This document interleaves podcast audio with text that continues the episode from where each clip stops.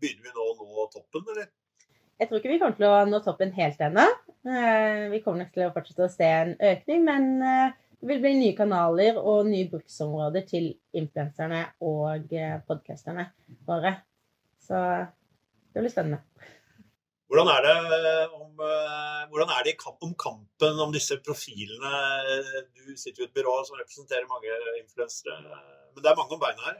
Er det blitt en tøffere kamp om influensa? Det er blitt en tøffere kamp, og også noe som mye går bak betalingsmur. Eh, og eh, Men det åpner jo opp for eh, nye profiler til å vokse.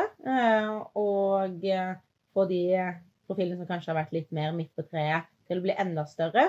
Så vi er klare for å hjelpe profilene våre og bygge de oppover. Og også at det kan komme til, til nye. Og så målte jo Anfo her for litt siden eh, hvilke marketingbegreper vi nå synes å være litt lei. Eh, de hadde en kåring over de største buzzordene nå, og influencer marketing var på topp tre der. Var det litt skuffende? litt skuffende, men jeg kan også skjønne at influencer marketing eh, du har, du har hørt det mye nå. Vi har gått over til å kalle det profilmarkedsføring.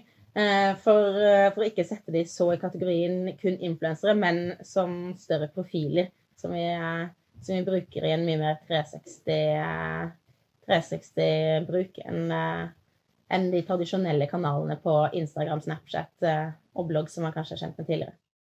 Ja, Adina Brody Aasbø i Core Content, er influencer marketing et buzzord? Ja, det vil jeg nok si.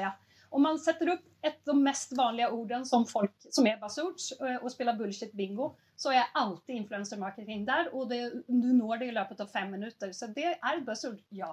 Ja, for Vi leser jo at det er mange annonsører og brands som nå forsøker å knytte til seg store profiler eh, og har en eller annen influencer-marketing-strategi. Eh, må man ha en kjendis for å nå frem i å vinne oppmerksomhet i dag? Jeg tror at att använda en kändis, om det är riktig profil och som passar ditt brand, så är det ju en mental shortcut till att få eh, mycket uppmärksamhet.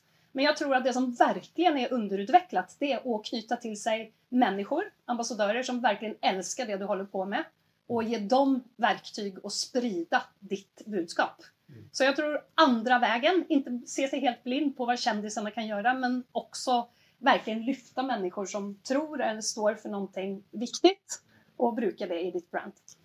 Kommer vi til å snakke like mye om influencer marketing i 2022 som vi har gjort de siste årene? Minst like mye.